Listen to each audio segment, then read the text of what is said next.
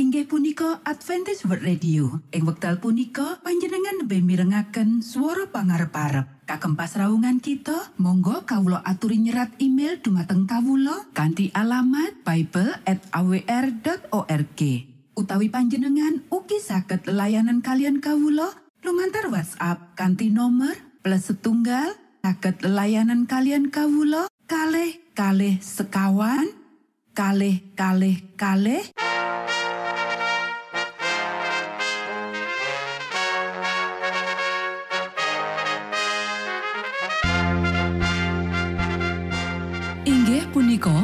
Adventist World Radio ingkang giaran kanti basa Jawi.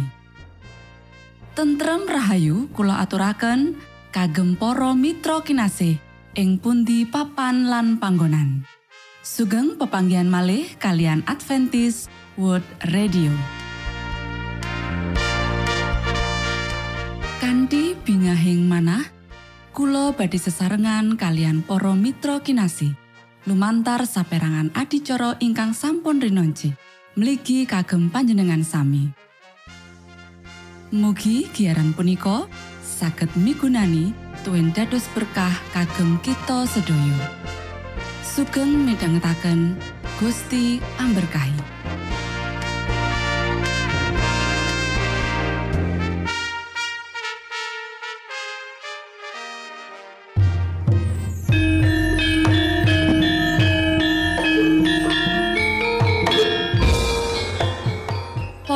Pamirsa kinasih ing Gusti Yesus Kristus. Ing wekdal punika, kita badhe sesarengan ing adicara ruang kesehatan. Ingkang saestu migunani kagem panjenengan saha kita sami. Tips utawi pitedah ingkang dipun aturaken ing program punika tetales dawuhipun Gusti ingkang dipunnyatakaken ing kitab suci. Semanten ugi sakehing seratan ingkang dipun wangsitaken dening Gusti Allah. Nanging saderengipun, monggo kita sami midhangetaken kidung pujian.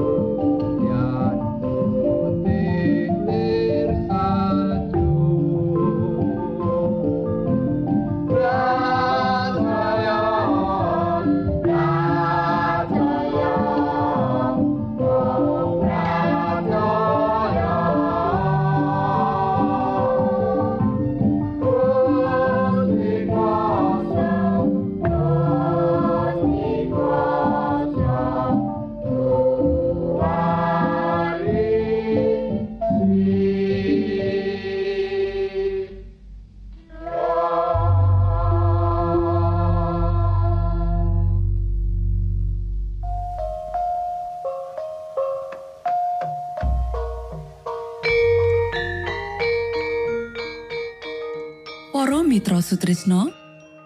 Puji syukur dumateng Gusti ingkang murbeng dumati ingkang sampun kepareng paring wewenngan kagem kita. Satemah saged nglajengaken ruang kesehatan. Pirembakan kita semangke kanthi irah-irahan peredaran lan larangan omben-omben.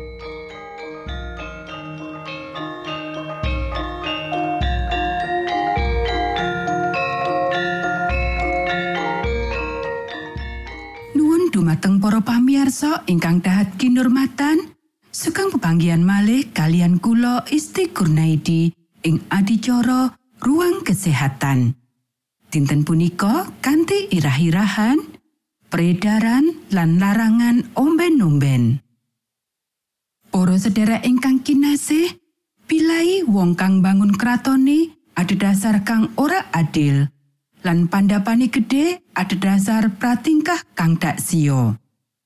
Kang celatu, aku arep ngetekake kraton kang gede ombo lan pandapane kang jembar bawero. Temboke kraton banjur dietrapi jendela-jendela blabaking kraton kang kagawe kayu eres. Nanging pripat lan atinira mung ngarah marang kauntungan.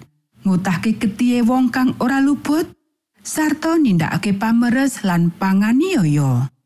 Para sedherek ingkang kinasih, kitab suci nggambarake pakaryane wong sing gawe lan dodol omben-omben. Bisnise iku ateges perampokan. Amarga duit sing ditompo ora timbang karo akibate. Saben dolar sing ditambahake marang keuntungane wis nggawa kutuk marang sing nganggo. kanthi tangan sing kebak kemurani Gustiala wis nyuntakake berkah-berkah marang manungsa. Saumpama peparinge iku wis digunakake kanthi wicaksana, saipo cilike kemlaratan lan kangelan sing ana ing donya iki. Yaiku kejahatan menungsa sing ngowahi berkah-berkah Gustiala dadi sawijining kutuk.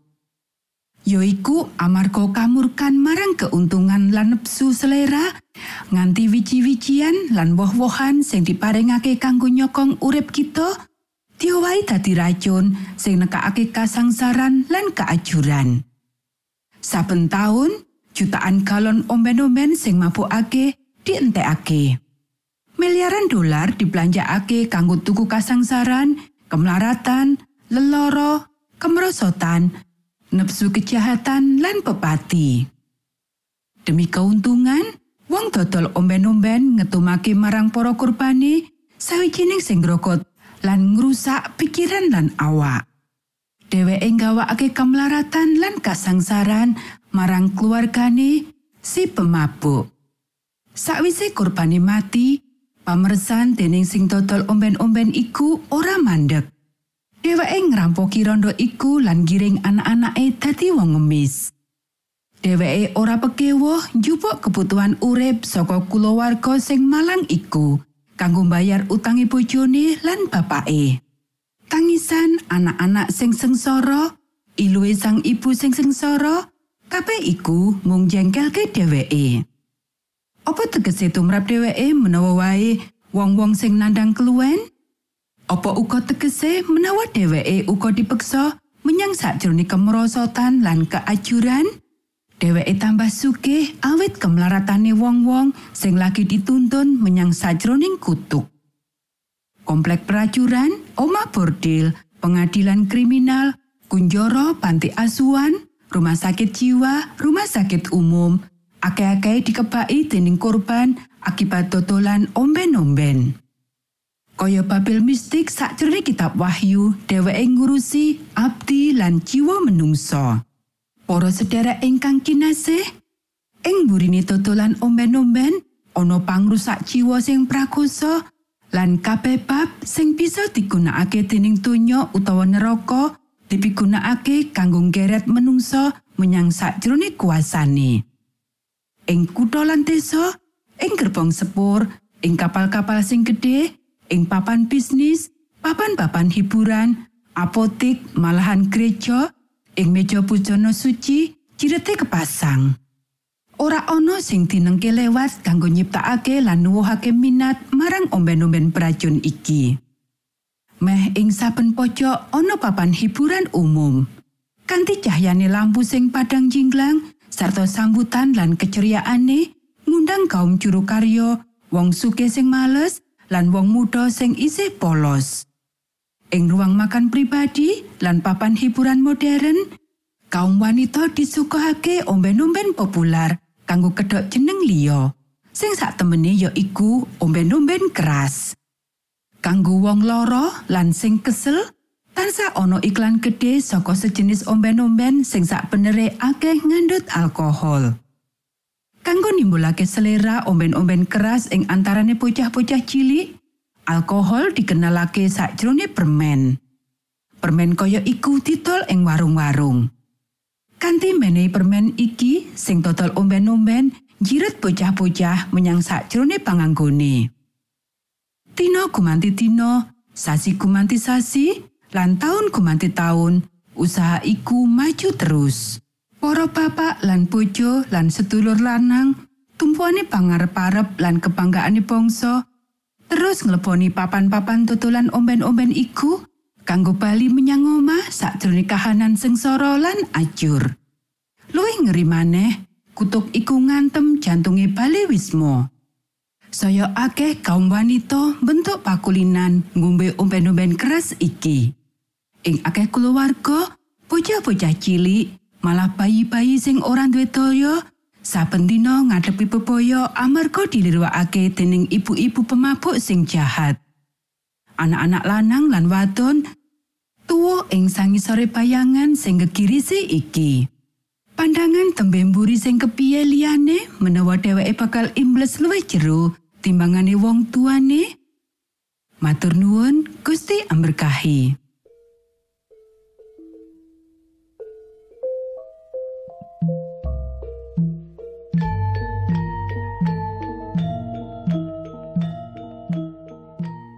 Cekap semanten pimbakan ruang kesehatan ing episode dinten punika. Ugi sampun kuatos jalaran kita badhe pinanggih malih ing episode sak lajengipun.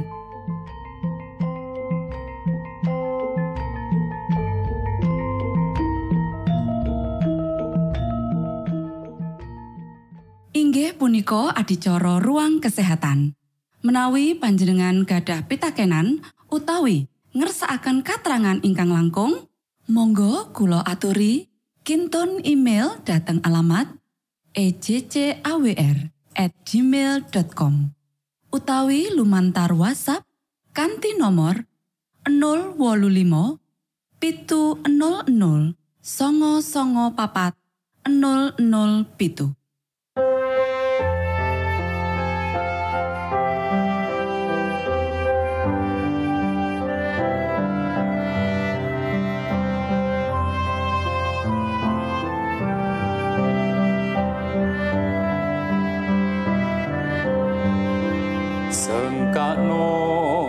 Gusti pranyoto tumrap kang wis meh mati lan tumrap kang ngelak samyo kapringan tirta sakti. Manakang ngasor lan suci Gusti mirsa lan nampi kang samyo wuto ing driya antuk pandulu mukti. Sengkakno asmeng pamarto ing ajeng ing projalmi sinupre mratobat samyo dados wargane Gusti. Sengkakno Gusti pranyoto wilujeng jalmi mreh Gusti kapinanggih tumrap ingkang matosi kata tiang sekeng sami ngupati mreh basuki. Kanging nulak sih sami marek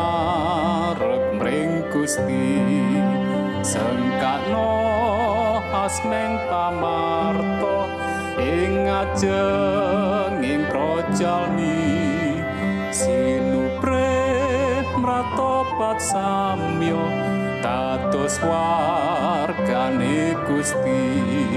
Sengkakno lan winartano putreng Allah kang suci. Gusti panebus manungso tan wonten kang ngandingi. Sampun rujatuh sojalmi dekorban yo kang ati saoso puji Gustinyo juru wilujeng jati. Sengkakno asmeng pamarto ing ajeng ing projalmi sinupre mratobat samyo dados wargane Gusti. Sengkakno lan winartano putreng Allah kang suci Gusti panebus manungso tan wonten sampun rujatuh sojalmi dikurban yo kang ati saoso puji Gustinyo juru wilujeng jati. Sengkakno asmeng pamarto ing ajeng ing projalmi mratobat samyo dados wargane Gusti. Saklajengipun, monggo kita sami midhangetaken mimbar suara pengharapan. Angkat napiri kanthi pawarto Sang Kristus paderamu. Pro umat samyo puji asmanyo Sang Kristus paderamu Inggih punika mimbar suara pengharapan. Ing episode punika kanthi irah-irahan Wiwitono ing papan panggonanmu. sugeng midhangetaken. Minangka tondo Sang Kristus paderamu Ilmu kawero tambah lan tambah. Sang Kristus paderamu Paderamu Paderamu Sang Kristus paderamu Shalom para pamirsa ingkang kinasih wonten ing Gusti. Sakmenika kita badhe mitangetaken renungan Sabda pangantikanipun Gusti. Ing dinten punika kanthi irah-irahan wiwitono ing papan panggonanmu. Para sedherek ingkang kinasih, Sabda pangantikane Gusti ing kitab lelakoni para rasul pasal siji ayat wolu ya iku nanging kowe bakal padha tampa kasekten samangsa sang roh suci wis nedhaki marang kowe kabeh sarta kowe bakal padha dadi seksiku ana ing Yerusalem lan ing satanah Yudea kabeh sarta ing tanah Samaria tuwin tumeka ing pungkasaning bumi. Para sederek iki minangka prinsip kang wis baku saka Gusti Yesus kang nunjukake marang kita kabeh piye kudune kita tumindak kaya dene para murid kang duweni kabar kabungan kanggo ditumake marang wong liyane. Andum kebenaran dudu mung negesi bab pira gedene kaluputane liyan. Nanging bab Gusti Yesus kang digambarake dening telung malaikat ing pakabaran kitab Wahyu pasal 14 ayat 6 nganti rolas. Para sederek, nanging ana saperangan prinsip ing tetembungane Gusti Yesus kang sinebat ing surasane kitab lelakoni para rasul pasal siji ayat wolu. Kapisan, kowe bakal dadi seksiku ing Yerusalem. Kaya dene kita wis ndeleng menawa kita kudu dadi seksine ing papan ngendi kita urip. Ing omah, ing pasamuan, tonggo teparo lan komunitas kita lan ing ngendi wae Gusti Allah kang paring panggon kanggo kita. Wiwit mula lingkungan omah lan lingkungan pakaryan kita. Uga dadi seksine kanggo sanak kadang kang cedhak utawa adoh, relasi lan paguyuban. Asring wong-wong iku mung senenge kanggo lelungan adoh ning negara liya karo budaya kang anyar banjur dadi seksine. Nanging ora gelem dadi seksine ing antara tangga teparone. Mulane, ayo kita ndangkake miwiti dadi seksine ing ngendi papan panggonan lan sikra kang cunduk saka dawe Gusti Yesus kang juru panuntun gesang kita. Kapindo ing satanah Yudea kabeh sarta ing tanah Samaria tuwin tumeka ing pungkasaning bumi. Sepisan maneh, Gusti Yesus negesi kanthi nyata menawa dadi saksi iku kalebu bisa sesrawungan kang bisa nglintasi watese budaya. Kawiwit saka papan panggonan kita, bisa wae kita katimbalan kanggo pindah panggonan liyane gawe ngrengkuh paguyuban sosial kemasyarakatan, suku, basa, lan saka kelompok liyane. Mbok menawa gampang kanggo kita dadi seksi kanggo wong-wong iku, amarga karubetane kabudayan luwih cilik pengaruhe saka salibe Gusti Yesus. Para sederek, ing perangan wilayah ing jagat iki mung ana siji katemokno kuluwangsa utawa keluarga kang gedhe utawa suku dadi wakile kanggo mangun gereja. Nanging amanat agung Gusti Yesus paring pangerten marang kita menawa dadi para seksine metu saka zona nyaman kita lan nanem sumbering daya kita kanggo para kelompok-kelompok kang kaya ing dhuwur kuwi penting banget. Wong-wong kuwi uga mbutuhake pakabaran bab Gusti Yesus. Monggo kita sami ndedonga. Duh Rama kawula ingkang wonten ing swarga, asma patuko mugi kasucikaken. Kraton patuko mugi rawuh. Karso patuko mugi kalampahan wonten ing bumi kados dene wonten ing swarga. Kawula mugi kaparingan rejeki kawula sak cekapipun ing dinten punika. Saha patuko mugi ngapunten kalepatan kawula kados dene kawula inggih ngapunteni tetiang ingkang kalepatan dhateng kawula. Punapa dene kawula mugi sampun ngantos katandukaken dhateng ing panggoda nanging mugi sami patuko uwalaken saking piawon. Awit dene patuko ingkang kagungan kraton saha wisesa tuwin kamulyan salami laminipun. Amin.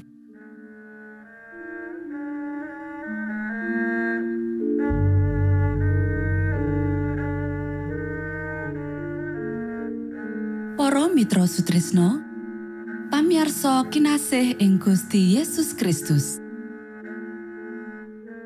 sampun paripurno pasamuan kita ing dinten punika.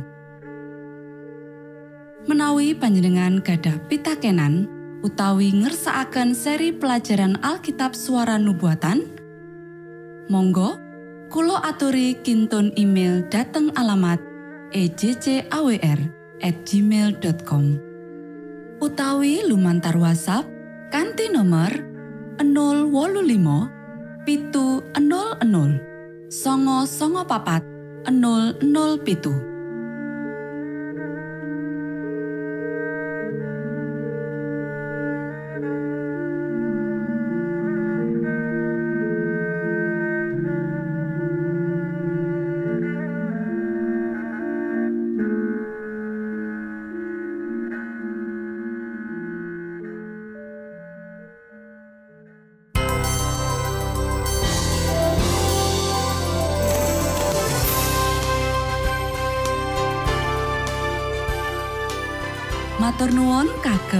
kagem wektalipun kita badhe pinanggih malih ing gelombang ugi wekdal ingkang sami.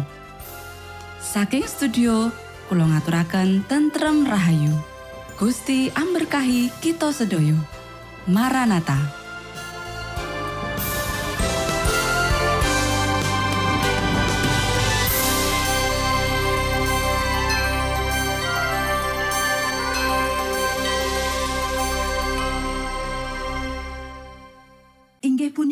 Adventist World Radio. Ing wekdal punika panjenengan nembe mirengaken swara pangarep-arep. Kakempas raungan kita, monggo kawula aturi nyerat email dumateng kawula kanthi alamat bible@awr.org.